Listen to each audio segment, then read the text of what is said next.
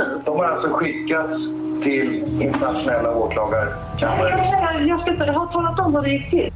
I det sista avsnittet av Spår berättar vi om försvarets kamp för att få fram material som man menar att åklagarna döljer. Ju mer, det var som att gräva liksom i, i öknen i Las Vegas. Liksom. Varenda hål man grävde i så hittade man någonting av intresse. Alltså. Och hur robust var egentligen åklagarens bevisning? I'm shaking my head this whole time, and the prosecutor is shaking his head the whole time. The U.S. DA agent is shaking his head because at the end of the day, with throughout all of these long interviews, there's nothing there. There's no connection. That both of the clients were like, this is crazy. No. Och hur kunde Sveriges största och mest kostsamma internationella kokainfall genom tiderna sluta med att The National Target, Jonas Falk, går helt fri? Det vi menar att advokaterna ägnat sig åt är fokusförskjutning, det kallas så. Och det innebär att man, håller, man, man koncentrerar sig på allt utom bevisningen egentligen för att eh, skapa turbulens helt enkelt. Du lyssnar på Spår som görs i samarbete med Pressbyrån. Vi har sedan 1906 spridit bra journalistik och det fria ordet. Pressbyrån har landets bredaste tidningsutbud och vi älskar magasin. Kom in och hitta din egen tidning hos oss. Pressbyrån hälsar varmt välkomna till det sjätte och sista avsnittet. Du lyssnar på Spår om Operation Playa, sista delen. Jag heter Martin Jonsson. Och jag heter Anton Berg. I förra avsnittet av Spår fick ni höra om de omdebatterade nio kilorna kokain. Bara det ett av Sveriges största kokainbeslag genom tiderna. Och som hittades på båten Gloria 15 dagar efter det att Maurits Andersson grips av den franska kustbevakningen. Nio kilo kokain som ska ha legat bortglömt där sedan 2008.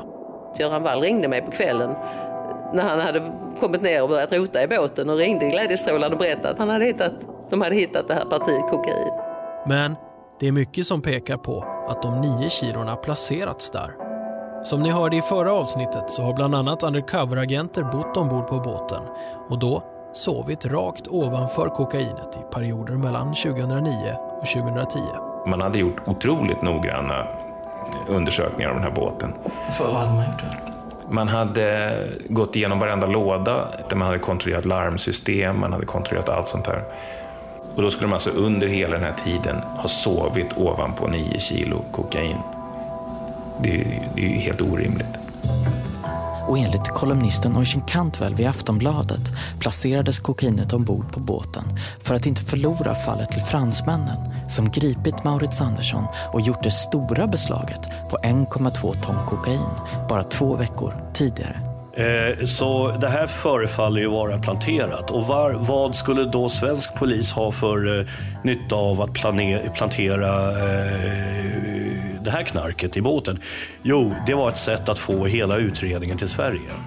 För kuriren, Maurits Andersson, är allt det här som vi precis berättat fullständigt obegripligt. Vad är detta? Jag menar, vad finns detta för, är det för knytning? Vad är det de håller på med? Va? Ja, men det glömde du i båten. Det, det, går inte att säga på det sättet. Va? Jag tror inte på att det någonsin har funnits något kokain i, i, i Gloria. Jag trodde att de skulle, jag tror de har försökt att göra någonting för att knyta ihop mig med Jonas och få hem mig och Jonas till Sverige. För de, de utgick från Jonas. Allting utgick från Jonas. I det här sista avsnittet av Spår så kommer vi att leda er fram till rättegångarna och till det märkliga efterspelet. Men precis som i historien om de nio kilorna som påstås ha hittats i Gloria så kommer vi berätta om en rad frågetecken i utredningen som sätter polisens och åklagarens trovärdighet på spel. Och så kommer vi visa på en rad omständigheter som pekar på att åklagaren Karin Bergstrand var så driven att sätta dit Jonas Falk att hon undlät att lyfta fram delar ur förundersökningen som pekar till de åtalades fördel. The National Target, Jonas Falk. Han börjar märka, kort efter att Maurits Andersson grips, att han är under ständig bevakning. Under hösten 2010 ungefär så började jag märka att personer som kom och hälsade på mig och så blev stoppade i tullen. Så jag såg att man hade ett större intresse av mig än vad man har haft tidigare. Colombianska polisen börjar besöka platser som de genom den svenska utredningen lyckats lokalisera. Som den stora motorbåten Bonafide som ligger förtöjd i Cartagena. Och då fick jag ett eh, telefonsamtal från kaptenen som berättade för mig att det står poliser utanför marinan hela tiden och de har frågat om mig. Och han var orolig då för han trodde att, det, att de skulle kidnappa mig som utlänning och det fanns en exklusiv båt. Och colombianska polisen är ju involverad i de flesta kidnappningar och utpressningar så det, det, var hans tanke då. Och då förstod jag att, att man letade efter mig då. Jonas Falk befinner sig vid jultid 2010 vid ett exklusivt villaområde, El Peñón, utanför Bogotá. Och det är inte vilket område som helst. Det är inhägnat. Upphöjda före detta politiker och den colombianska presidenten har en villa i området. Och inte ens polisen har tillträde, enligt colombiansk lag, för att skydda dem från kidnappning.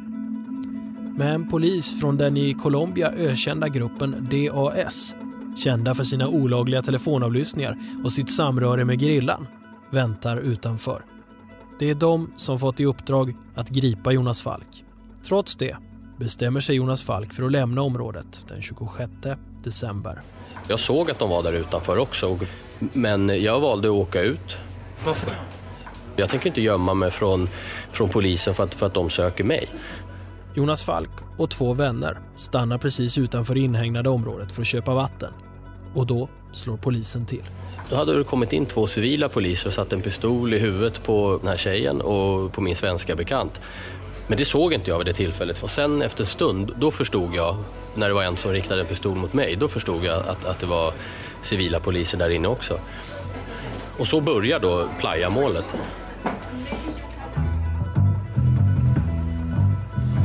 I mejl som åklagaren Karin Bergstrand skriver till sin spanska kollega kort efter gripandet formulerar hon mötet med Jonas Falk så här. It was a big day for me to meet him after all this work. I had a long chat with him before the hearing and he was exactly as I thought. Good looking and nice and just couldn't understand what he did in custody in Sweden. Det här är bara en av alla formuleringar som, när de senare kommer fram i rätten, orsakar stor upprördhet hos försvarsadvokaterna. För frågan är, ska inte en åklagare, en statlig tjänsteman, i alla lägen vara objektiv? Och i ett sånt här allvarligt mål undvika att vara personlig? Om man inte är objektiv, hur påverkar det bedömningen av bevis? Under de kommande rättegångarna kommer fler exempel lyftas fram där åklagarens omdöme ifrågasätts. Dagen efter att Jonas Falk arresteras av colombianska DAS grips Andreas Niklasson. Och han sitter redan fängslad för det bankrån han dömdes för 2009. Så han häktas medan han sitter på anstalt med bara några veckor kvar av sitt gamla straff att avtjäna. 2010 där när jag hamnar på häktet i det här målet, då grips jag ju inne på anstalt. Jag har bara några, har fem veckor kvar tills jag ska friges. Och häktas då ju. Och sen sitter jag häktad i två och ett halvt år. Samma dag, den 27 december, grips Harriet Broman. Hon har firat jul med sin pojkvän i Skåne. Det var klockan 8.15 så kom det in en eh, bil inkörande, en jeep på gården. Och eh, vi, vi bodde då en kilometer från närmaste granne så det är klart att man ser då när det kommer in någon och jag går ut och frågar, säger hej, eh, vad vill ni? Och då säger den här killen, ah, våran bil kokar. Skulle vi kunna få eh, lite vatten av er? Och då eh, säger jag visst, absolut, vänta. Så jag ropar på, på min sambo och går in och fortsätter att göra frukost och säger att det är någon som har problem med bilen. Det är klart att i mitt bakhuvud var det någonting som kändes konstigt för det var 10 minusgrader och bilen kokade men, men eh, jag tänkte inte mer på det.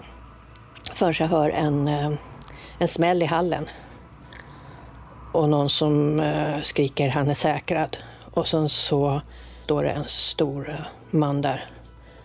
Och eh, då tror jag faktiskt att vi håller på att bli rånade. Och sen så säger de först att eh, det från polisen och tänker att det där stämmer inte. Och sen så tar de in mig till polisstationen. Vad tänkte du då? Jag tänkte inte så mycket mer än att det här... Jag tänkte att eh, eh, det här kommer ta slut. Det här är något missförstånd, det här kommer ta slut. Jag får åka hem snart. Nästan ett och ett halvt år senare, den 26 april 2012, kommer den mest kostsamma internationella narkotikarättegången i svensk historia påbörjas. Enligt uträkningar av DN-journalisten Lasse Virup, då vid Sveriges Radio, kan det ha kostat skattebetalare över 100 miljoner kronor. Undantaget är då polisens omfattande internationella arbete under två år med bland annat undercover-agenter. Samtliga de inblandade i Playa-målet kommer sitta häktade under vad som internationella mått är extremt lång tid. Bara det faktum att det dröjer ett och ett halvt år innan själva tingsrättsförhandlingarna påbörjats är onormalt även med svenska mått. Sverige har också under lång tid fått kritik från FNs tortyrkommitté för sitt sätt att hantera intagna i häktet. Harriet Broman kommer sitta 556 dagar. Maurits Andersson sitter i fyra år, varav hälften av tiden med maximala restriktioner. Och som vi berättade i avsnitt 1 så kommer han till slut lida av sån akut D-vitaminbrist att han tappar flera tänder. Andreas Niklasson häktas i två och ett halvt år. Jonas Falk sitter isolerad i två år och sammanlagt är han häktad i fyra år. Så här beskriver Jonas Falk hur det är att sitta häktad. Du kan ju prova att gå in på toaletten och så föreställer du att du ska vara där äh, tre, fyra timmar. Och sen när du har vant dig vid den känslan så kan du föreställa dig att du ska vara där en vecka och sen kan du fortsätta till ett halvår, ett år och sen fyra år nästan. Så man är inlåst på en toalett i fyra år. Även Harriet Broman upplevde häktningstiden som mycket påfrestande. När jag stod där, när de grep mig den där morgonen. Om jag backade då, kommer jag ihåg, i köket. För jag trodde jag blev rånad. Och jag hade mina köksknivar då bakom mig. Och jag tänkte, ska jag ta den för att försvara mig? Eh, hade jag då vetat framför mig, vad jag hade framför mig, vad som skulle hända. Då hade jag nog tagit den där kniven och stuckit ner mig själv istället. Det tror jag. För jag tror då att jag aldrig skulle klara av en sån sak. Och det är väl tur det att man inte vet vad som ska hända. För att sen då så går tiden. Jag hamnade i krig. Jag blev någon soldat. Och jag skulle vinna. FN-kommittén har riktat skarp kritik mot Sverige för att man bland annat inte har någon maxtid i häktet. I princip kan man sitta hur länge som helst. Vidare har man reagerat på Sveriges hårda restriktioner. Det innebär att de häktades kontakt med omvärlden i form av tillgång till tv, radio, telefonsamtal eller besök av närstående helt kan inskränkas. Samtliga av de åtalade hade maximala restriktioner för att inte kunna kommunicera med omvärlden eller de andra åtalade. Vilket innebar att de är helt inneslutna i häktningsrummet 23 timmar om dygnet. Jag levde på sju kvadratmeter. Du har ett litet handfat. Det har syntetfilt i gult som sticks och är elektrisk. Ehm, ehm, man har ett litet stol och ett bord. Och eh, man får ringa på en klocka om man behöver gå på toaletten. Eh, där är man då 23 timmar per dygn. Och så öppnar de luckan och ger en mat tre gånger om dagen. Då. Men frågan är om det var korrekt av åklagaren att häkta Harriet under så pass lång tid. Det vi nu kommer berätta pekar också på något som försvaret upplever. Att åklagarsidan undanhåller information som skulle kunna fria eller förändra synen på de åtalade. Harriet Broman var åtalad för tre punkter. Penninghäleri, bokföringsbrott och så ett tredje åtal som är det grövsta. Medhjälp till grovt narkotikabrott. Penninghäleri är i Sverige inte en åtalspunkt som man vanligtvis sitter häktad för i ett och ett halvt år. Inte heller bokföringsbrott. Grovt narkotikabrott däremot, det kan föranleda till väldigt långa häktningstider. Och den tredje åtalspunkten är direkt knuten till nattklubben Orsum som vi berättat om tidigare, som Jonas Falk var med och startade under 2009. Så här lät det i ett tidigare avsnitt. Så jag fick tips om att vara delaktig i det i eh, mars eh, tror jag, 2009 så gick jag in. Jag gjorde det som en investering helt enkelt och tyckte att det var roligt också, till en början. Vi berättade då att polisen tror sig ha hittat penningtransaktioner som är direkt kopplade till narkotikaleveransen 2009 och 2010. Det är en summa på 350 000 euro som ska betalats ut i kontanter i Spanien. Och det är Harriet Broman som sen ska ha hjälpt Jonas Falk att skicka pengarna till Karibien. Och redan i det första förhöret med Harriet Broman, direkt efter att hon gripits, så är det de här pengarna polisen är intresserad av. Första förhöret som händer på kvällen, det, då pratar de bara om eh, pengarna då, de här tre 350 000 eurona. Åklagaren Karin Bergstrand förklarar vad de 350 000 eurona ska enligt henne ha använts till. Men vi var av den uppfattningen att antingen var det en återbetalning för förskott som man hade erlagt för den här leveransen 2009 som inte blev av. Som misslyckades helt enkelt. Det här var nämligen i september månad 2009. Eller så var det ett förskottsbetalning för eh, nästa års leverans. Det här låter onekligen graverande. Men hur väl underbyggt är egentligen det här påståendet? Åtalet är uppbyggt av telefonavlyssning, men det ska visa sig att all telefonavlyssning inte redovisats i åtalet innan polisen häktar Harriet Broman. Advokat Solveig Sörlien, som försvarade Harriet Broman, förklarar. Min uppfattning är att den bevisning som friade Harriet för det här narkotikabrottet, det var bevisning som fanns eh, väldigt tidigt i utredningen, kanske till och med redan eh, under, alltså ganska snabbt in på hon hade blivit häktad. Den utpekade huvudmannen Jonas Falk menar att det som ni nu kommer få höra är det värsta som gjorts mot de misstänkta i hela målet. Det, det är ju egentligen den, den, man kan man nästan säga att det är den allvarligaste oegentligheten som åklagarna har gjort i det här målet. Enligt Jonas Falk är det här ursprunget till pengarna. Uppstarten av nattklubben Orsum går dåligt. I september 2009 är de i desperat behov av pengar. Och Jonas Falks vän, bosatt i Argentina, säger sig vara villig att köpa 10% av Harriet Bromans andel i nattklubben. Den personen hade pengar i kontanter. Han kommer inte från Spanien, han kommer från Argentina. Han hade 350 000 euro i kontanter i Madrid. Varken Harriet Broman och Jonas Falk är i Barcelona när pengarna ska tas emot. Och därför frågar de Mattias Johansson om han kan hjälpa till. Alltså samma person som blivit vän med undercover-agenter som ni kunde höra i tidigare avsnitt. Men vad varken Mattias Johansson, Harriet Broman vet är att vartenda ord de säger över telefon hörs av polisen och spelas in. Och den 27 september 2009 klockan 19.42 kan man läsa i förundersökningen så ringer en okänd man till Mattias Johansson. Så han ringde mig. Var är du någonstans? Jag är på Sandpromenaden. Okej. Okay. Så att jag gick ner och träffade honom. Och då säger han, jag har, kan jag åka någonstans? Jag behöver nämligen, då hade han, han var väldigt eh, försiktig så han hade lagt dem här på ett ställe som gjorde att han var tvungen att, att lossa på någonting. Och han menar på, jag behöver stå och fixa här lite grann för jag har dem i en lucka här. Jag vet att någonting skulle hända. Okej. Okay. De åker till ett garage, parkerar och pengarna lämnas över. Och då behövde han ett par minuter på att lossa på vad det nu var, någon jäkla lucka där som han hade. Och så hade han pengarna där och eh, så skrev jag helt enkelt på ett kvitto där det stod att jag hade tagit emot de här pengarna. Harriet Broman har nu kommit hem och Mattias Johansson han lämnar över pengarna till henne. Jag var inte heller beredd på det, men, men jag fick dem i kontanter. Och de kommer upp till, han kommer upp med de pengarna till, till mig i huset. Och då ska jag åka på morgonen tillbaks till Sverige. Och har ingen möjlighet och vet inte vad jag ska göra med de eh, pengarna. Så eh, jag bestämmer mig för att jag, ska lä jag lägger de pengarna i, en, i köket i en stor säck med, där hundmat finns. Och nu hör polisen ytterligare ett för dem märkligt samtal. Så ringer hon till mig.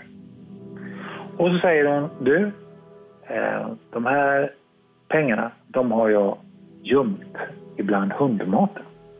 Polisen hör alltså hur 350 000 euro i kontanter tas emot av Mattias Johansson och att Harriet Broman sen gömmer dem bland hundmaten. Enligt åklagaren så händer sen följande. Jonas Falk har ytterligare en vän som befinner sig i Barcelona. Den här vännen ska åka från Barcelona till Isla Margarita i Karibien och han ska ta med sig ett pass och 350 000 euro till Jonas Falk. Harriet Broman bekräftar att Jonas Falk hade en vän, att vännen skulle ta med sig pengar till Jonas Falk. Men enligt Harriet Broman var det en betydligt mindre summa som den mannen fick med sig till Karibien. Senare på kvällen så kommer en av Jonas kompisar och då skulle han ha med sig, eh, Jonas hade pengar kvar, typ han hade 7000 dollar eller någonting som han skulle ha med sig plus någon pass eller någonting sånt.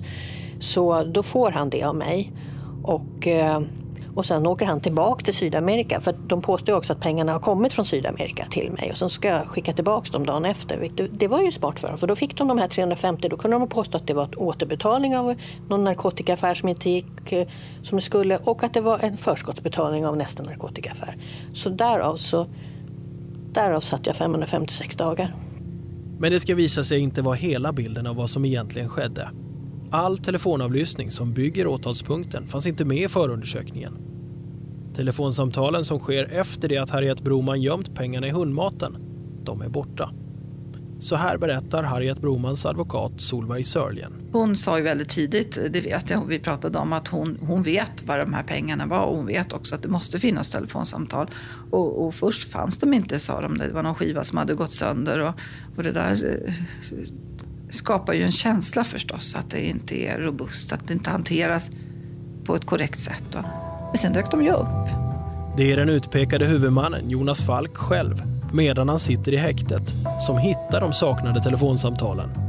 Under den långa tid han sitter häktad så begär han nämligen ut telefonavlyssningen från den så kallade slasken där överskottsmaterialet från utredningarna finns med. Och så sätter han sig och lyssnar. Då går jag igenom den här, det är ganska många CD-skivor, man har alltså tidsperioder som varje CD-skiva är. Och då har man en, en CD-skiva som det står “Går ej att kopiera”.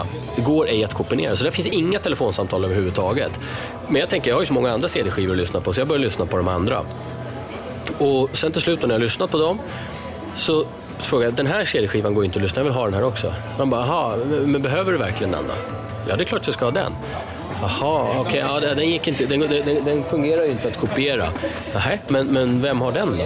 Ja, då? Då får vi begära den från Spanien. Och, så, och man var motstridig för att man skulle ge mig den här. Och så, ja, vi beställer den från Spanien. Så tar det tre dagar. Då får jag den här CD-skivan. Så snabbt skickar jag inte Spanien. Men då kommer man i alla fall med den här CD-skivan. På den här CD-skivan, som man påstår i, i, att den inte gick att kopiera, så har du ett 50-tal telefonsamtal där du kan följa hela det här händelseförloppet. Alla de här telefonsamtalen som bevisar hela den här kedjan och att det här är en investering i nattklubben har man gömt. Jonas Falk hävdar att CD-skivan är gömd.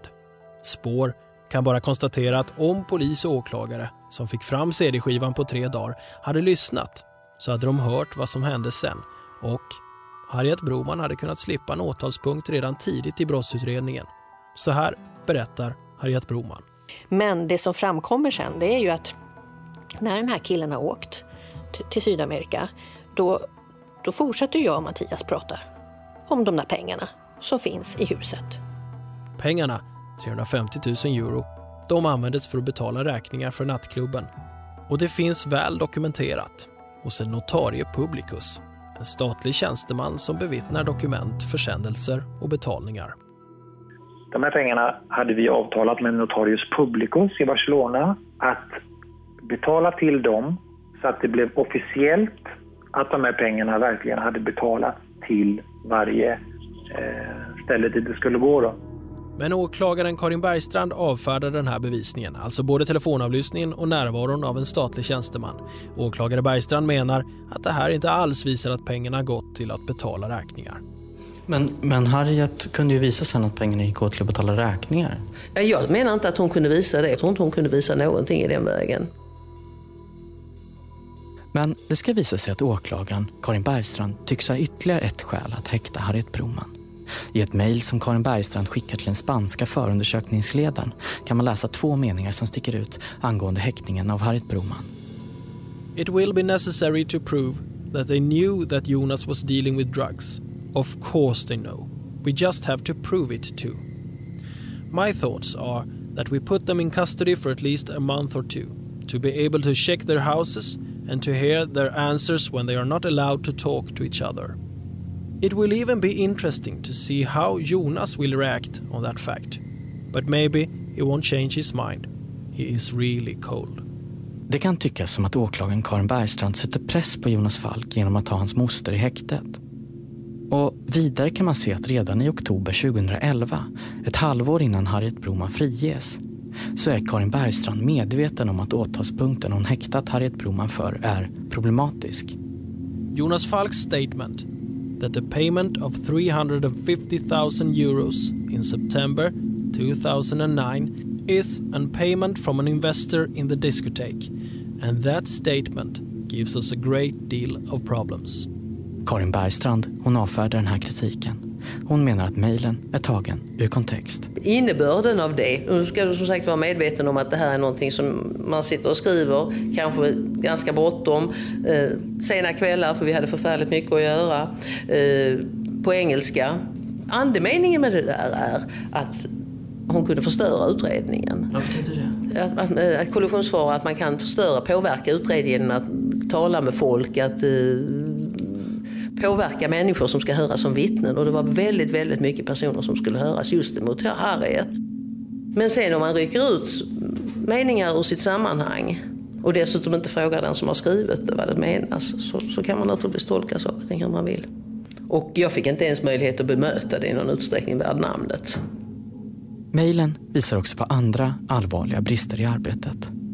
Hans-Jörgen and I are planning, thinking of, discussing to prosecute Jonas and Maurits for a delivery in summertime 2006. More or less depending on the fact that Jonas has got an enormous fortune after 2006. The evidence for that cocaine delivery are not good at all. They are almost none, but we work on it. Det är klart att hade jag vetat att det skulle komma till offentlighet så hade jag kanske inte skrivit på det viset. Det, det, kan man, det kan man tycka. Men det påverkar ju inte fakta. För försvaret är den här sortens mejlkorrespondens ett tecken på att Karin Bergstrand inte är objektiv i sin utredning. Något som hon som åklagare ska vara. Men, men där var det ju en hel del intressanta ingredienser också i de där mejlen. Alltså sättet man kommunicerade och en, en, en, fixering skulle jag vilja säga. Alltså en personfixering vid Jonas Falk eh, som inte kändes sunt för en statstjänsteman som ska vara objektiv. De här mejlen från eh, åklagare i Sverige till eh, domaren i Spanien vittnade om att det här var en personlig ett personligt ärende. Och det menar jag att det ju, strider ju helt mot den ordning vi har. Under tiden Jonas Falk sitter häktad så sker också ett förhör som vi kort ska redovisa för. För det får mycket stora konsekvenser för det märkliga efterspelet efter att domarna fallit. För vad Jonas Falk inte vet, och åklagaren Karin Bergstrand väljer att inte berätta för honom, är att han är åtalad i Spanien för en ekonomisk aktivitet som ska vara sammanknuten med narkotikahandeln. Skattebrott, helt enkelt och svensk polis börjar fråga ut Jonas Falk om hans ekonomi.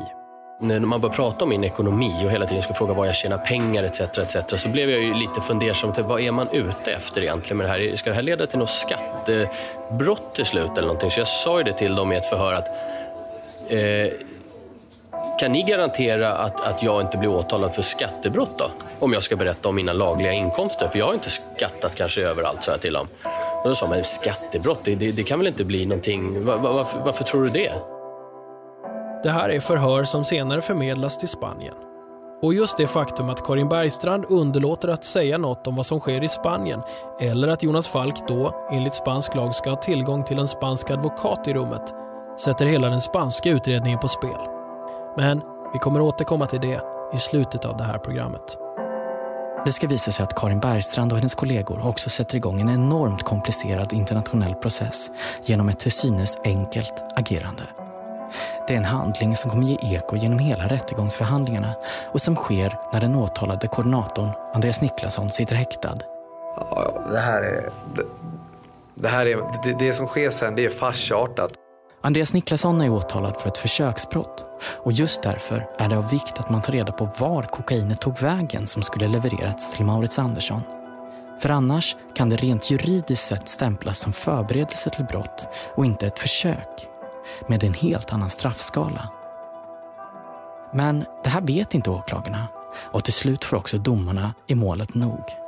Och det som Andreas Niklasson nu berättar har flera andra advokater och även domstolsprotokoll bekräftat. Och efter 6-7 månader så satte en domare ner, ner foten och sa, vände sig till åklagaren och sa att vid nästa häktesförhandling kommer jag försätta Niklasson på fri fot om inte ni liksom har kommit längre.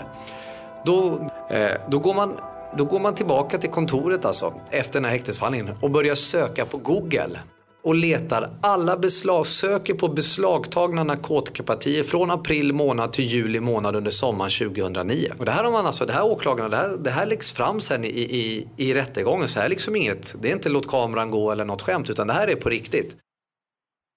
Då får man träff att det finns 576 beslag. Ett utav de här 576 beslagen är ett beslag utanför kusten till Aruba som hör till Holland på 713 kilo kokain. Samma dag den 16 är det ju som Maurits och hans vän från Bahamas gör den andra utresan från Martinique. Då säger, kommer han tillbaka med ett leende på läpparna sen och säger att nu har vi hittat partiet. Det är det här partiet det är liksom. De här 713 kilona var de 713 kilona som Niklasson och Falk försökte förvärva och få Maurits att transportera. Okej. Okay. Men, men då är frågan, hur vet ni att det, den lasten var designerad till Maurits? Eh, ja, det är naturligtvis en slutsats vi har dragit. Eh, men man har, vi har hållit förhör med de personer som var ombord på den här speedbåten. Och eh, då var det så att den här personen, det var en person som heter Dean Bush som var kapten på båten. Han har berättat att det skulle levereras, han har ganska precis berättat leveransplats, pekat ut koordinater och pekat ut på en karta. Det stämmer väldigt väl med Marits, eller ganska väl ska jag säga, med Marits uppgifter om var han skulle han, han har ju mejlen angivit var han skulle anträffa den här båten. Men kan det verkligen vara så lätt som åklagaren Karin Bergstrand får det att låta? Är detta parti verkligen Jonas Falks som han googlar fram? Och var det egentligen på väg till Maurits Andersson det är frågor som besvaras först i hovrätten och svaret kommer påverka utgången i målet och undergräver hela åtalets upplägg. Men först ska tingsrättsförhandlingarna påbörjas. Åtta personer åtalades idag vid Stockholms tingsrätt för vad som kallats Sveriges största narkotikahärva. Det är den 12 april 2012 som rättegångarna sätter igång. En av dem som besökte rättegångarna var Aftonbladets kolumnist Oisin Cantwell. Och det som han bevittnade där var chockerande.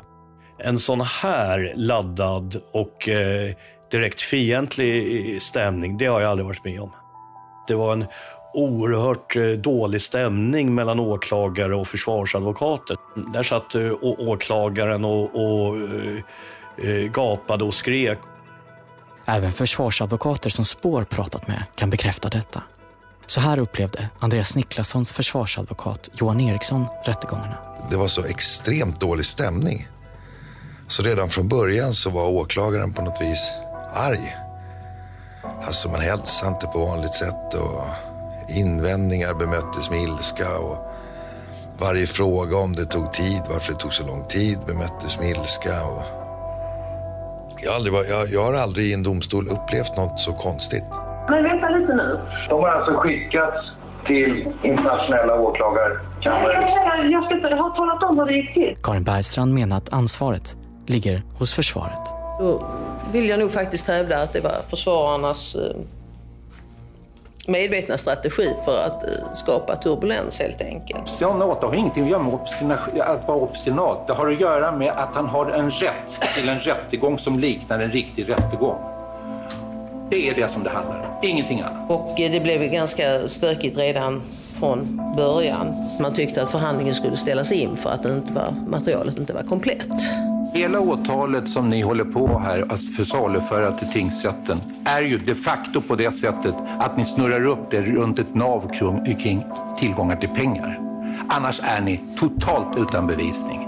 Sen att ni sitter så att säga med brallorna neddragna därför att ni inte har någonting annat, det är ju en, det är ju en annan femma. Ja, värderingarna kanske vi kan eh, spara. Ja, de vi får väl se vem som har byxorna neddragna till slut. Tre månader in i tingsrättsförhandlingarna, den 5 juli 2012, så släpps plötsligt Harriet Broman. Då har hon alltså suttit häktad i 556 dagar för sina tre åtalspunkter och då har inte ens den grövsta åtalspunkten, medhjälp till grovt narkotikabrott, som hon också åtalas för, behandlats i rätten. Ja, det var väldigt surrealistiskt. Ehm, då säger de det under rättegången säger först ingenting, så min advokat säger, har inte ni någonting ni ska tala om för Harriet nu? Ja, säger de, vi har ingen anledning och, och nu, Klara, nu, nu vi kan släppa henne. Ehm, och då sätter de ju inte på mig några handklovar när jag ska gå ut från rättegången. Och sen eh, kom jag ut där, såg solen då första gången. På ett och ett halvt år. Och där står min syster och väntar på mig och advokaterna. och kramar om mig och eh, så står jag där och väntar. För eh, vi ska åka men jag har glömt bort att jag har inte fått öppna en dörr på, på ett och ett halvt år. Så jag, jag står där vid, dörr, vid dörren, alltså vid bildörren och väntar på att någon ska öppna den åt mig. För att jag har tappat det där att man, att man ska öppna. Och sen så gör jag det och sen bara får jag den där känslan av att jag får hålla i ett handtag. Så jag, jag står där och öppnar och stänger, öppnar och stänger dörren flera gånger. Hon undrar vad jag höll på med. Så jag bara måste få känna hur det känns. Och sen satte jag mig i bilen och så frågade hon, vad vill du göra? Och då sa jag, jag vill äta glass. Men det är inte bara Harriet Broman som får uppleva att material saknas som kan ge klarhet i målet. Advokat Johan Eriksson som försvarade Andreas Niklasson som ska koordinerat smugglingen 2009 grubblade mycket över bevisningen som lades fram. Den består av telefonavlyssning, sms och mejl. Frågan som Johan Eriksson ställer sig är den om nu Maurits Andersson hade lyckats, skulle han då inte bara försvunnit ut på Atlanten? Och hur ska man hitta en ensam båt på ett vidöppet hav? Borde man inte vilja veta exakt var han är? Om man ska följa en båt på havet så måste man rimligen sätta en GPS på den. Annars vet man inte var båten är. Så att jag började fråga om det fanns en GPS på båten och fick då svaret att det gjorde det inte. Eh, vilket jag tyckte lät liksom fullständigt Alltså det, det, det är för otroligt för att vara sant helt enkelt. Eh, och på visst sätt då som jag inte kan berätta så, så fick jag reda på att det hade suttit en GPS på båten. Vadå inte berätta? Jag, jag, jag fick informationen på ett sätt så jag vill inte röja den personen som lämnade informationen. Men jag fick i alla fall klart för mig att det fanns en GPS på båten. Så att jag började fråga om detta ideligen i rätten stämningen blev sämre och sämre och jag fick nekande svar. Alltså det skulle inte finnas någon GPS på båten. Om min sagesman hade rätt och mitt förstånd hade rätt, nämligen att det är klart man bevakar en båt med en GPS. Så lämnar de ju osanna svar. Och det, det är väl något man inte förväntar sig att, att statstjänstemän säger så. Men att det inte finns någon GPS ombord, det ska visa sig vara ren lögn. Vi har under den här serien med återkommande mellanrum hänvisat till protokoll från Joint Investigation Team-samarbetet som pågick mellan Sverige och många andra länder, därav Spanien. Men från början fanns dessa inte att tillgå för försvaret. De var sekretessbelagda av Karin Bergstrand. Men när Tobias Enoksson och hans kollega Thomas Martinsson, som försvarade Jonas Falk, reser till Spanien för att träffa spanska advokater upptäcker de att JIT-protokollen finns där och där är de inte skyddade av sekretess. Och det som de läser där förändrar försvarets syn på hela målet och vad som egentligen hänt under åren förundersökningen skett. Eh, och, och då, när jag kommer ihåg det här ögonblicket, alltså som, det, det är nästan så att jag, jag ryser faktiskt på håret ställer sig lite upp på armen. Jag och Thomas satt där och, och snackade med en av de här advokaterna så frågade jag så här, du, känner du till någonting om något JIT-protokoll eller sådär? Eh, yes, sure, why not? You can look, liksom på sin spanska engelska. Då får ju jag liksom, eh, ja, jag bara sätter mig och rotar där. Jag bokar om min flygbiljett, åker hem en dag senare och bara sätter mig och börjar plöja igenom den här spanska utredningen liksom. Och hitta JIT-protokoll på JIT-protokoll på JIT-protokoll. Ju mer, det var som att gräva liksom i, i öknen i Las Vegas. Liksom. Varenda hål man grävde i så hittade man någonting av intresse. Alltså. Och där kan man läsa något som påverkar hela Karin Bergstrands trovärdighet under rättegången. Nämligen det att det fanns en GPS ombord på båten utplacerad utav ett av länderna som Sverige samarbetat med. Och mitt under tingsrättsförhandlingarna så får Karin Bergstrand erkänna att det hon sagt tidigare inte stämde. Men då uppstår också nästa märklighet. I alla fall fick jag besked om att nu hade åklagaren sagt att det fanns en GPS. Då ville vi förstås se informationen. Och då fick vi beskedet att informationen fanns inte. Vad är det som har hänt? Det ska alltså finnas en GPS ombord på båten som skulle kunna visa var Maurits Andersson befann sig. Relevant information för försvaret då de vill se om den båt som åklagaren påstod hade försökt leverera kokain men misslyckats överhuvudtaget var nära. Men informationen finns inte att tillgå för försvaret. Varför? Jag kan till börja med säga att jag får inte lov, fortfarande inte lov att nämna vilket land som var inblandat. Och egentligen vill de inte att jag ska nämna att det fanns en GPS. Ehm, det var under spaningsstadiet som ett land har monterat en GPS på Marits båt. Spår inte knutna till några internationella avtal med andra länder och kan därför berätta att det är Frankrike som placerade en GPS på Maurits Anderssons båt. Det framkommer tydligt i de Joint Investigation Team-protokoll som fördes mellan de olika länderna som var inblandade i fallet. Ni kan se en bild i er Acast-app om ni lyssnar via telefonen. Men det ska visa sig att Frankrike har ett förbehåll. De kan placera GPSen på båten, men den får aldrig användas som bevisning. Men trots det så får ändå svensk polis tillgång till Maurits Anderssons exakta rörelser. Eh, och det blev ett problem på det viset att under tiden som seglingarna pågick så skickades de här koordinaterna via poliskällor. Så de har alltså funnits i Sverige. Men inte nog med att svensk polis har fått tillgång till Maurits Anderssons positioner och rörelser. Det visar sig att materialet som en gång funnits i Sverige inte finns kvar. Det berättar den ansvariga förundersökningsledaren Karin Bergstrand. Eh, svensk polis har haft dem, och, eh, men tyvärr förstört dem. Hur kunde det bli så här? Karin Bergstrand namnger tre poliser som fått informationen och som enligt henne bär ansvaret för det som hände. Knutsson Öj har fått dem. Eh, det var, Göran Wall hade också fått dem. Men då hade Knutsson Öj haft datorhaveri och hon visste inte var hennes dotter hade tagit vägen medan däremot Göran Wall hade, kvar, hade haft kvar sina men förstört dem. Varför hade de gjort det? Enda besked jag har fått var att de fick ju ändå inte användas eftersom det var sekretessbelagt material. Och det är ju naturligtvis en fullständigt felaktigt resonemang. Det är jag mycket kritisk mot. Det får inte lov att förstöras. Man får inte radera det. Svensk polis har alltså slängt en del av förundersökningen. Men skulle inte polisen ha skickat vidare informationen till förundersökningsledaren? Karin Bergstrand själv. Advokat Johan Eriksson begär att få kalla de poliser som Karin Bergstrand namnger som hade fått informationen för att fråga om de gett informationen till den som hade huvudansvaret för utredningen. Men han nekas. Att Johan Eriksson nekas förhör kommer senare hovrätten bedöma som ett regelrätt rättegångsfel. Och när väl Johan Eriksson får förhöra polisen i hovrätten kommer ännu mer märkliga omständigheter kring polisens agerande komma upp till ytan. Försvaret upplever alltså att bevisning som pekar åt motsatt riktning mot de åtalade inte kommer fram. Och när så mycket nya saker kommer upp till ytan som ger en annan bild av händelseförloppet, hur ska då domstolen kunna värdera bevisningen som presenteras på ett korrekt sätt? Tobias Enoksson, som försvarade Jonas Falk, berättar. Till en början så hade jag nästan intrycket att min klient kanske var paranoid. Liksom. Att han satt på ett häkte, han var liksom en huvudman och liksom allt var mot honom och de gjorde allt för att liksom jävlas och förstöra. Ungefär så där kunde jag uppleva att han var lite grann i början. Men, men ganska snart så, så märkte jag att han hade rätt på punkt efter punkt. Liksom.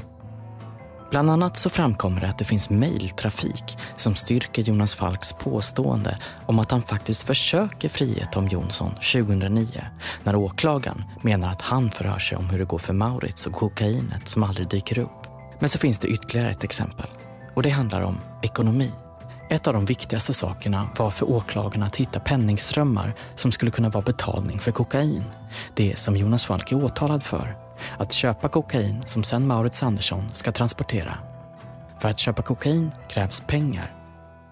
Advokat Tobias Enoksson börjar undersöka vad man har för bevisning. Eh, och det där var ju någonting i fråga om också. Det var, hur har man gjort då? Var, var är pengarna liksom? Alltså, sånt där, det är nästan barnslig nivå på frågorna kan man ju tycka. Men, men var, var är pengarna liksom? Men då fanns det ju en, det fanns ju två penningströmningar som var intressanta som båda visade sig vara helt fel eh, från åklagarens sida. Och det var ju dels då de här 350 000 euro mm. och sen så var det ett köp av en Audi i Colombia. De 350 000 eurona som gömde sin hundpåse har försvaret lyckats motbevisa. De används för att betala räkningar. Kvar finns bara en ström med pengar. De går från Kongo via New York till Colombia. Åklagarna hävdar att det här är pengar för kokain. Jonas Falk har en helt annan förklaring. Åklagarna så påstår då att de här pengarna, eh, från början var det en betalning för narkotika. Det var det man sa. Och Jonas sa, men jag har ju köpt en Audi. Det är det pengarna är. Och sa, nej det finns ingen bevisning för det. Alltså, du kan inte liksom, så de tillbakavisade hans påstående att det här skulle vara eh, ett köp av en Audi. Så det jag gjorde då, det var att jag kontaktade Colombia och den här bilfirman som heter GH Inversiones. Eh, via, och det var ett himla meck att få tag i rätt personer och sådär. Men till slut fick jag tag i någon behjälplig colombian som snackade med de här. Eh, och så pang så fick jag massa grejer på, på mail då, det är de här papperna som ligger framför oss. Och här har vi då Alltså, det är hela köpet. Det är liksom varenda grej. Det står Jonas Sture Falk, hans passnummer, vad det är man köper, Audi Q7 3.0. Var det hans fingeravtryck där också eller? Ja, och allt det här, här pengar på banktransfern, att det skickas personens namn som har skickat det här. Och det, men det sjukaste var då, det är att den här colombianen då hasplar ur sig eh, lite så i förbifarten. Han bara, du men jag snackar med dem på bilfirman och de tycker det är skitkonstigt att du behöver de här papperna för de har redan lämnat de här papperna. Så då berättade han från bilfirman att colombiansk polis hade varit där och de sa på den colombianska polisen att de var där på uppdrag av svensk polis och hämtade de här papperna. Så den svenska utredningen måste ju ha haft de här papperna hela tiden. Och ändå så påstod man att de här pengarna som gick för att köpa en Audi Q7 var för att köpa knark. Och det är ju som sagt för att det fanns inga penningströmningar förutom de här pengarna, Audi-pengarna och de här 350 000 eurona. Men vad säger då Karin Bergstrand? Försvaret hävdar att du har undangömt material. Har du gjort det? Jag har definitivt inte avsiktligt undangömt något material.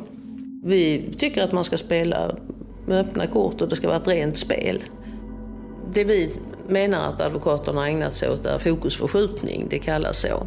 Och det innebär att man, håller, man, man koncentrerar sig på allt utom bevisningen egentligen. Att man försöker hugga in på små felaktigheter, formella fel eh, som inte har betydelse för skuldfrågan egentligen. Den 8 mars 2013 kommer till slut tingsrättens dom.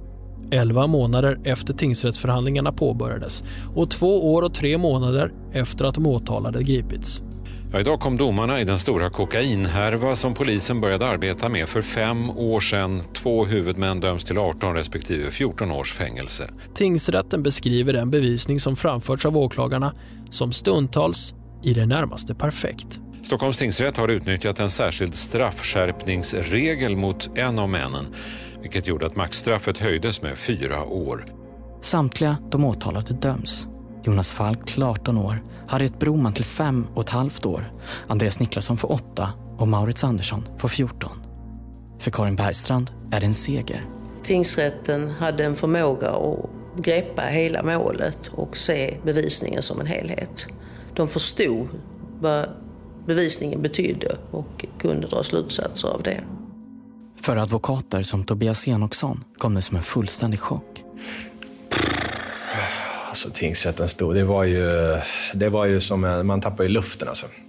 Jag kommer, det är också ett sånt där minne som man aldrig kommer glömma, känslan när man fick den. Eh, 18 års fängelse liksom. Inte heller Jonas Falk kunde förstå vad som hänt. Ja, det var ju en fruktansvärd mest förnedring. Alltså, vi kunde inte föreställa sig att de, att de skulle svälja det här. Och ännu mindre naturligtvis de här åtalspunkten 1, 2, 3, okänd plats, okänd tid etc. Nej men det kan de inte ha gjort, sa min advokat. Och så började han att läsa och sa, är du dömd för allt? Allting som de hade påstått. Men redan innan hovrättsförhandlingarna ska inledas så konstateras det att fel begåtts i tingsrätten. Aftonbladets kolumnist Oisin Cantwell som bevakade rättegången berättar vad som hände. Hovrätten konstaterade att, eh, att äh, ett så gravt rättegångsfel hade gjorts i tingsrätten rörande just Eh, att försvaret fick avslag på att kalla ett viktigt vittne. Att processen egentligen skulle tas om i tingsrätten. Eh, helt enkelt att återförvisa målet som det heter. Men då det här målet var så omfattande så bestämde hovrätten istället att eh, eh bristerna i tingsrätten eh, kunde korrigeras under, un, under nästa förhandling.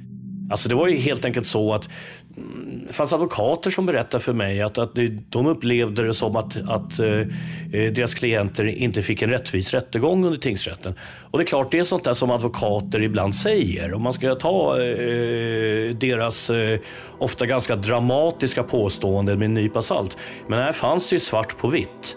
Alltså att, att, att få kalla de vittnen man vill eh, i en process, det, det, det, det är en fråga om grundläggande rättssäkerhet. Rättegångsfelet gäller bland annat det vittne som Johan Eriksson velat förhöra i samband med informationen om att det fanns en GPS ombord på Solero 2009, men som han blivit nekad. Men i hovrätten så sker till slut Johan Erikssons förhör och plötsligt ges en bild av hur det internationella samarbetet har gått till. Det krävs ju naturligtvis utav, om man ska göra ett ingripande, att se var båten är någonstans. Polisen i Hör kunde alltså se hur Maurits Andersson rörde sig fram och tillbaka över det Karibiska havet i väntan på kokain 2009. Det visar sig att det är amerikansk narkotikapolis, DEA, och mer specifikt en Tim Moran som skickar koordinaterna från den franska GPSen till svensk polis. Tim Moran skickade koordinater. Okay. Sen kunde man, om man ville, sätta ut dem för att se var någonstans båten befann sig. Var inte det rätt spännande? Det var jättespännande. Och, och det förhöret ska jag aldrig glömma faktiskt. Advokat Johan Eriksson minns det här som ett av de märkligaste förhören han någonsin hållit i en rättssal. Varför då? Alltså, hon såg fullständigt livrädd ut. Hon svarade, alltså i princip fullständigt omöjlig att förhöra. Var det en uppgörelse att det så det skulle gå till? Att du skulle få informationerna från imorgon? Jag vill att du, eh, att du eh, alltså ställer om frågan eller, eller eh, omformulerar frågan för att jag, jag vet inte vad du menar med uppgörelse. Och allt det här låter ju fullständigt snurrigt. Det, det, det enda som skulle hända var att en polis skulle komma och i rätten berätta eh, om GPS-positioner. Det var det det handlade om. Och huruvida de GPS-positionerna var skickade till någon annan. Det skulle kunna finnas någonstans. Och den har faktiskt funnits någon annanstans. Det går att läsa i en internutredning som öppnades av polisen på grund av att man misstänkte att fel hade begåtts under utredningen i Operation Playa. Internutredningen lades ner, men Spår har tillgång till förundersökningen som finns kvar. Och där kan man läsa att samma polis som Johan Eriksson förhör säger sig ha gett vidare informationen till den som har huvudansvaret för utredningen. Karin Bergstrand själv. För er som lyssnar via Acast-appen kan ni se förhöret i er telefon. Hur går det här ihop? Vad visste egentligen Karin Bergstrand? Jag har sett dem, men jag har aldrig fått dem.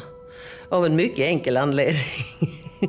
Jag är inte så teknisk så jag klarade inte av att få in, öppna Google Maps på min eh, dator. Så därför sa jag, jag har aldrig haft dem. Och hade jag haft dem kan jag försäkra att då skulle de inte vara förstörda. Och det kan ha påverkat utgången av målet kanske. Och nu händer nästa allvarliga sak i hovrätten. Och det gäller beslaget av kokain som åklagaren menade var förklaringen till att Maurits Andersson aldrig tog emot en leverans 2009. Ni minns kanske hur Andreas Niklasson berättade hur det gick till när beslaget upptäcktes redan under häktningsförhandlingarna. Eh, då, går man, då går man tillbaka till kontoret alltså, efter den här häktningsförhandlingen och börjar söka på Google. Då får man träff att det finns 576 beslag. Ett av de här 576 beslagen är ett beslag utanför kusten till Aruba som hör till Holland på 713 kilo kokain. Sedan dess har advokat Johan Eriksson börjat göra egna efterforskningar på vad som egentligen hände då vid beslaget som skedde mot speedbåten som åklagaren menar försökte leverera kokain till Maurits Andersson. I en amerikansk databas som heter Pacer får han fram information som kommer göra så att hela åtalspunkten som rör 2009 går att ifrågasätta.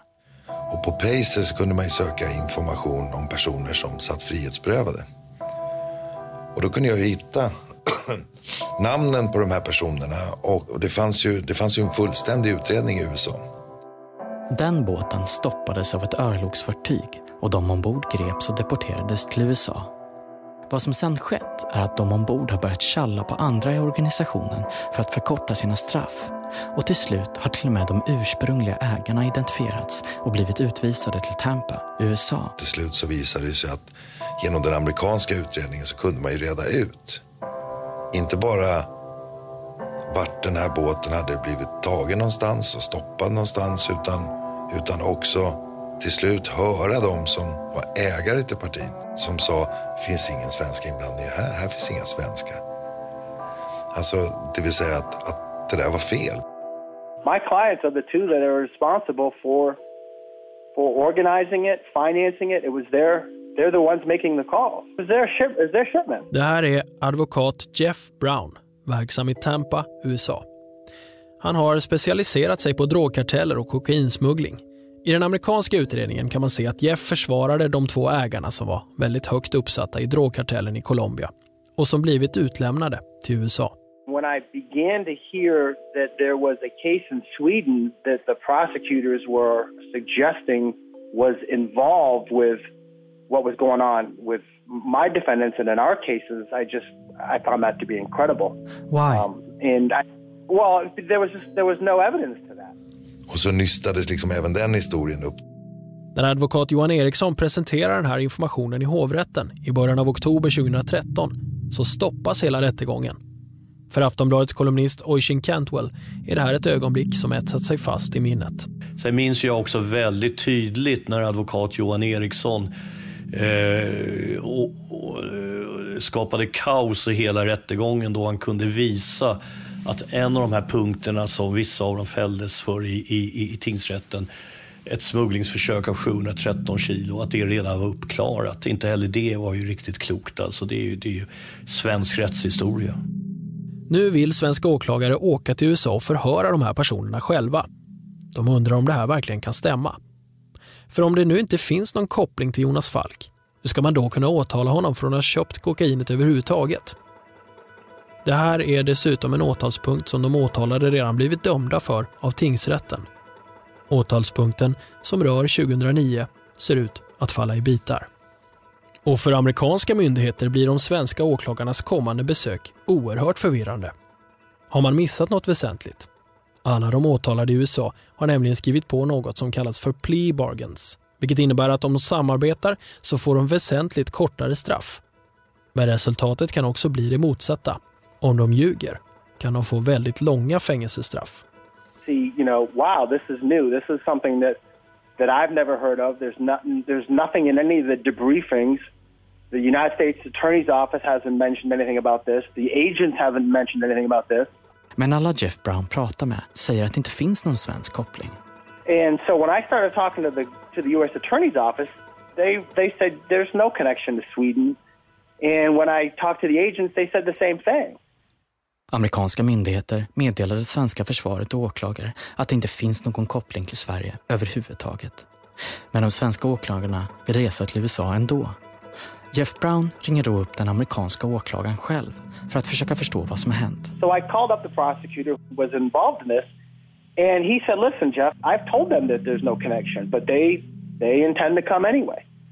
Uh, and I said, "Are you kidding me? I mean, have you you've told them this because because there's no reason for them to come here. It's a waste of, of, of taxpayers' dollars." And he said, "Listen, I've told them that. The agents told them that. They insist on coming." And he said, I'm, I think that they just want to come over here for a holiday. Under förhören sitter Jeff Brown med eftersom det är hans klienter. And, you know, I'm shaking my head this whole time, and the prosecutor is shaking his head the whole time. The agent, uh, the U.S. DA agent is shaking his head because at the end of the day, with throughout all of these long interviews, there's nothing there. There's no connection. That both of the clients were like, this is crazy. No. Karin Bergstrand menar att trots att de som äger kokainet har sagt att det inte har något med Sverige att göra, så betyder det ingenting. En organisation som dessa är så stora att man inte kan ha kontroll på exakt var och till vem kokainet ska levereras. Marit Andersson skulle jag inte tro har haft kontakt med leverantörerna. Han är bara den som ska hämta upp.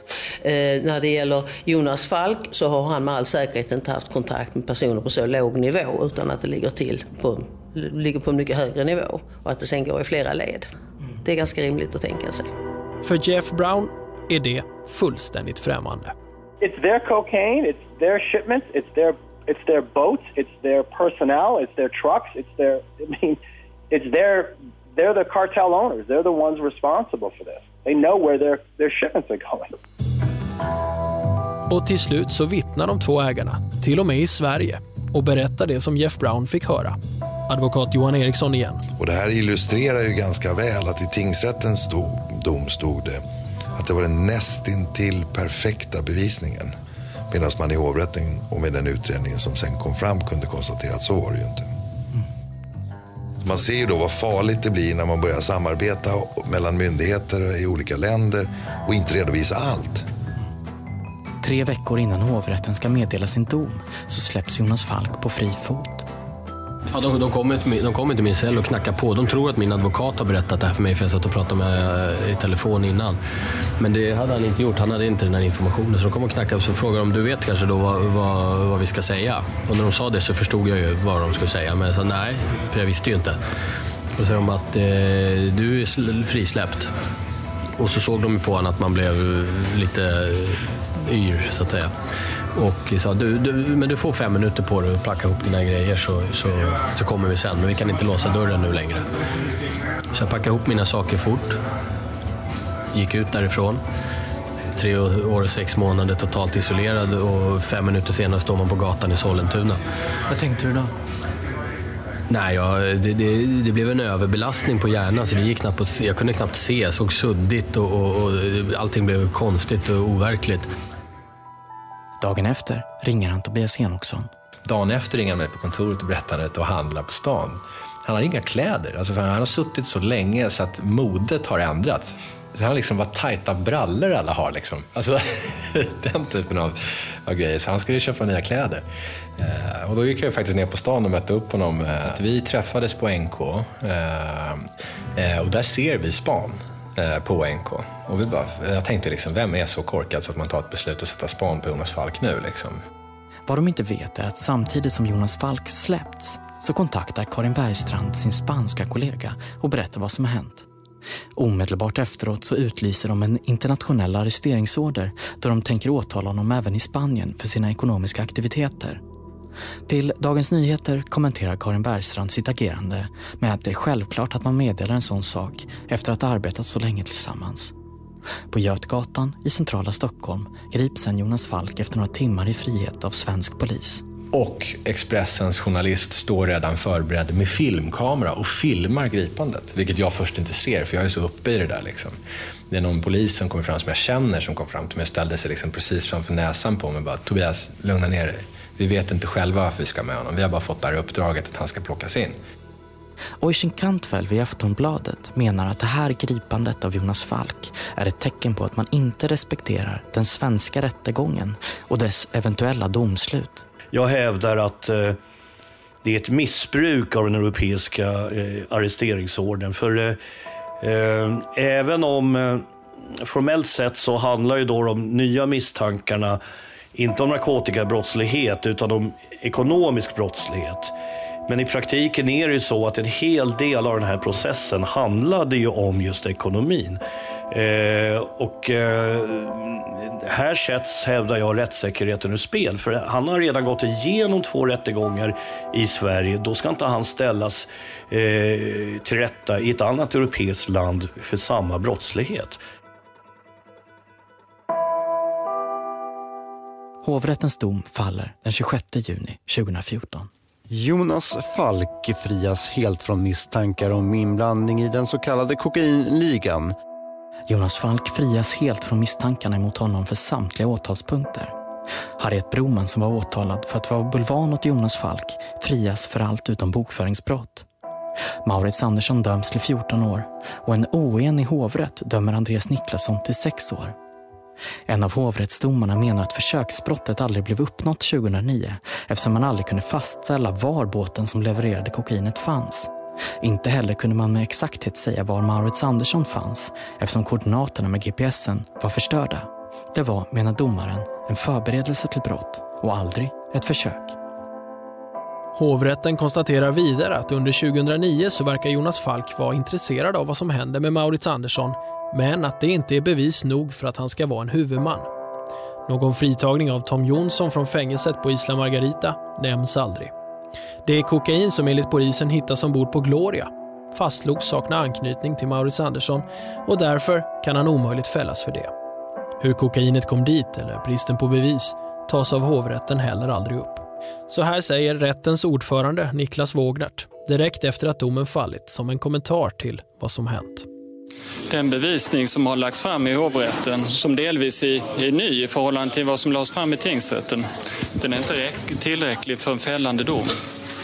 Det är med andra ord inte ställt utom rimligt tvivel att han har begått just de brott som åklagarna har gjort gällande.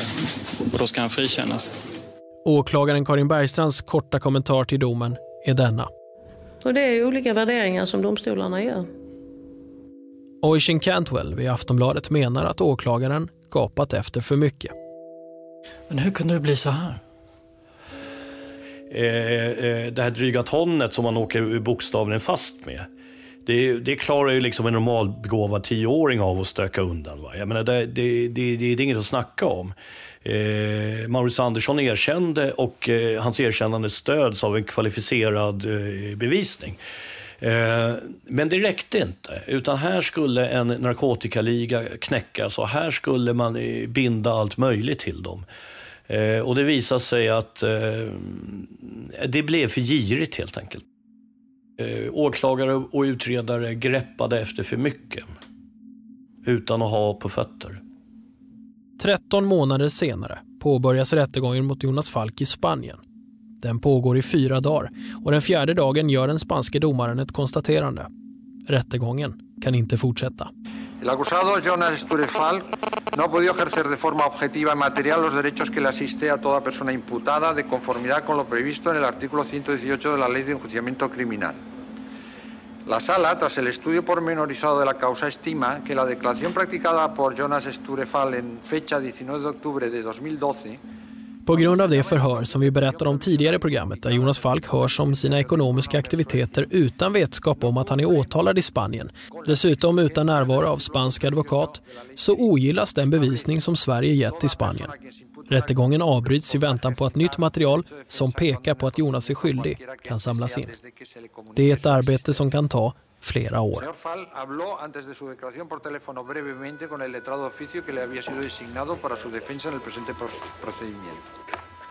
Operation Playa är därmed avslutad. Karin Bergstrand som lyckades få Jonas Falk och de andra inblandade fällda för kokainsmugglingar mellan 2006 till 2010 i tingsrätten får se hur hennes huvudman i hovrätten går fri. Och idag ser hon att hon skulle kunna gjort en del saker annorlunda.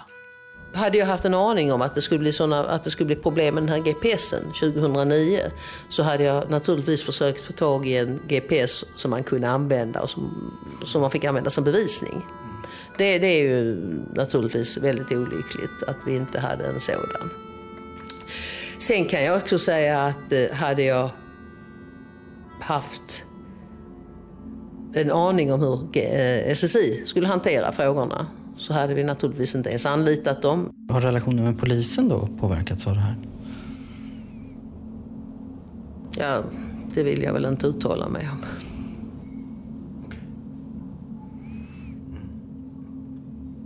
Eller jo, det kan jag göra. Jag kan säga naturligtvis är jag väldigt besviken på deras sätt att agera. Och det är klart att jag tycker att det är felaktigt. Men trots att Karin Bergstrand menar att hon skulle kunna gjort saker annorlunda så påverkar inte det skuldfrågan. Jag tycker absolut att han är skyldig. Jag ändrar, ändrar inte min... Det har vi ju hävdat hela tiden och, och framfört den synpunkten i domstolarna. Jag ändrar mig ju inte. Jag ändrar inte min uppfattning på grund av att domen blev annorlunda. Idag lever Jonas Falk i Spanien.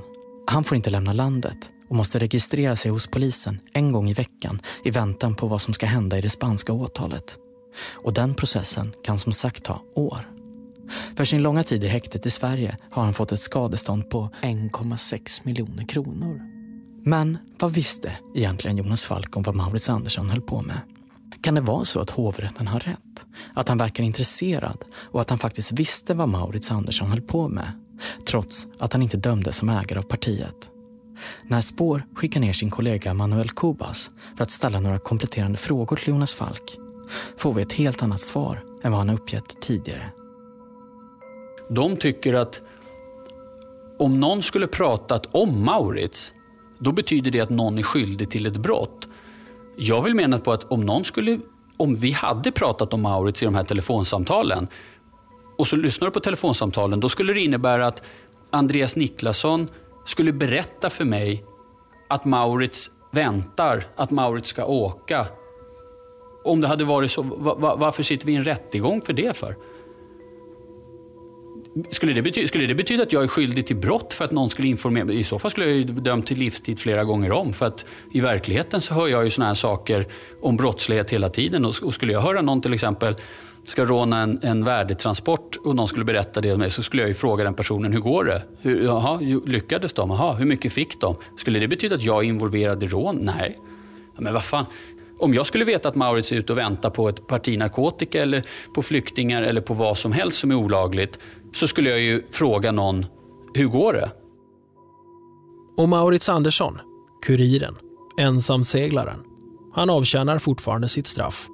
Han skriver på en bok och hoppas på att komma till ett klass 2-fängelse där han kan få fler permissioner. Hans straff löper ut 2019. Just nu fokuserar han och före detta sambon Berit på en process om vem som äger båten Gloria. Maurits hade sålt båten till Berit i mars 2010 när kokainet hittas i båten är den alltså Berits. Men varken tings eller hovrätt har velat se det så. Trots att ett bevittnat kvitto finns och att man ser hur Berit satt in 500 000 kronor på Maurits konto. Båten är just nu beslagtagen, men Berit och Maurits kämpar för att Berit ska erkännas som ägare. När det gäller själva kokainmålet har Maurits samma inställning nu som han haft hela tiden. Han erkänner 2009 och 2010. Men de övriga åtalspunkterna, de kokainsmugglingar som ska ha skett 2006 och 2008, ställer han sig helt främmande till. Jag, alltså när jag åkte fast, när jag satt i båten när jag på väg tillbaka 2010 med, med kustbevakarna alltså, i båten. Alltså, det fanns ju ingenting för mig att dölja. Jag hade ju ingenting annat än att, okej, okay, det här har jag. Och det har ju ingenting att hålla på och vela med. Jag döljde inte, jag har inte gjort på hela vägen. Men jag har, det är fruktansvärt. Och inte en, utan en, två, tre, fyra, fem. Ett antal tillfällen blir beskylld för någonting som man totalt inte har någonting att göra. Det är fruktansvärt alltså. Du hade ju i och för sig sluppit att hamna i det här om du hade berättat vilka dina uppdragsgivare var. Är det inte så? Nej, de har aldrig frågat den frågan som du ställde just nu. De har alltid bara utgått ifrån Jonas och hur de ska snärja honom.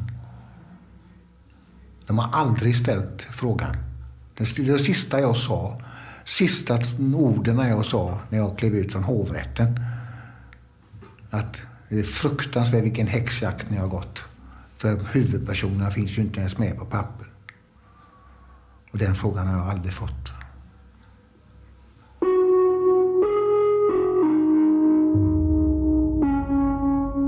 Säsong tre av Spår om Operation Playa är därmed slut. När och om den spanska rättegången kan döma eller fria Jonas Falk kommer vi återkomma till i ett kommande specialavsnitt. På Spårs hemsida hittar ni mer information. www.sparpodcast.com Här kan man se bilder på personer, platser som är viktiga i historien, de är utmärkta på en karta Kort sagt, det här är en hemsida som gör att det är enklare att hänga med i Operation Playa. Här kan ni också kontakta oss som gör programmet. Planning for your next trip? Elevate your travel style with Quince. Quince has all the jet-setting essentials you'll want for your next getaway, like European linen, premium luggage options, buttery soft Italian leather bags, and so much more. And is all priced at 50 to 80% less than similar brands. Plus, Quince only works with factories that use safe and ethical manufacturing practices. Pack your bags with high-quality essentials you'll be wearing for vacations to come with Quince. Go to quince.com/pack for free shipping and 365-day returns. Om ni vill fråga eller tipsa oss. Vi finns också på sociala medier under hashtaggen Operation Playa. Spår görs av produktionsbolagen Ljudbang och A1 i samarbete med Acast.